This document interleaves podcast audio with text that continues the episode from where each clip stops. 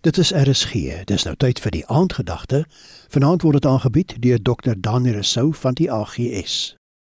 Goeiedag. Ek praat vandag met u oor die tema Die Here sal voorsien. Ons lees in 1 Konings 17 van die verhaal van die profeet Elia wat 'n droogte aangekondig het omdat die mense nie meer God gedien het nie. Dit is my so aangrypend dat God in vers 6 kraaie gestuur het om brood en vleis vir Elia te bring tydens hierdie droogte. Hoe wonderlik is God? Hy het beheer oor die natuur. Voel jy dalk of jy vandag in 'n droogte is? Die God wat kraaie gebruik het om vir Elia te sorg, kan vandag ook 'n wonderwerk vir jou doen. Glo dit net. Ons lees verder in hierdie hoofstuk hoe die profeet Elia deur God na die dorpie Sarfat gestuur was. God het 'n arm weduwee en haar seun raak gesien. Hulle was nie bekend soos Abraham en Isak of Jakob nie, maar belangrik genoeg vir God om raak gesien te word.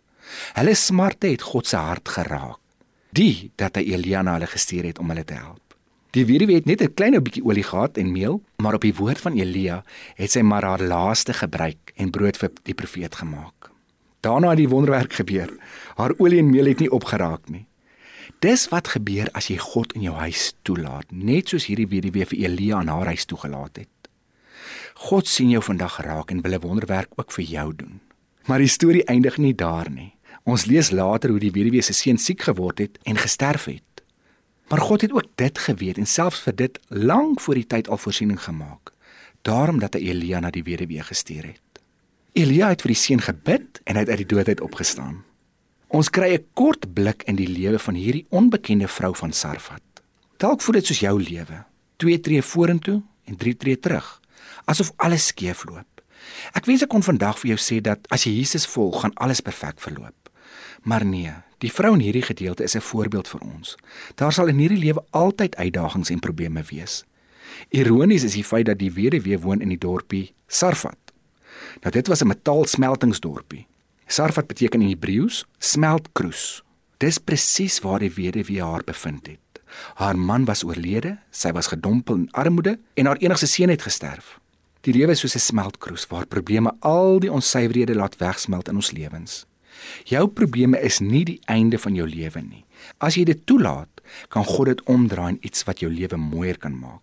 Soos met Elia kan hy selfs kraaie stuur om jou te help. Niks is onmoontlik vir God nie. Dalk voel jy vandag asof jy in 'n droogte is of dalk in 'n smeltkroes van jou lewe is. Bid dan die volgende gebed asseblief saam met my. Here, ek bid vandag dat U my sal help om staande te kan bly in hierdie smeltkroes van die lewe. Ek verstaan nie altyd nie en dit ook nie al die antwoorde nie, maar dankie dat U steeds in beheer is en my nooit begewe of verlaat nie. Ag Here, ek bid dat dit wat die duiwel bedoel het vir sleg vir my lewe, dat U vandag sal kom en dit sal omdraai in iets wonderliks. Hou my hand vas en voorsien vir my Here, soos wat U vir Elia met die kraaie voorsien het en vir die weduwee van Sarfat. Kom doen vandag ook 'n wonderwerk in my lewe asseblief. Amen. Die aandgedagte is vanaand aangebied deur Dr. Daniel Rousseau van die AGS.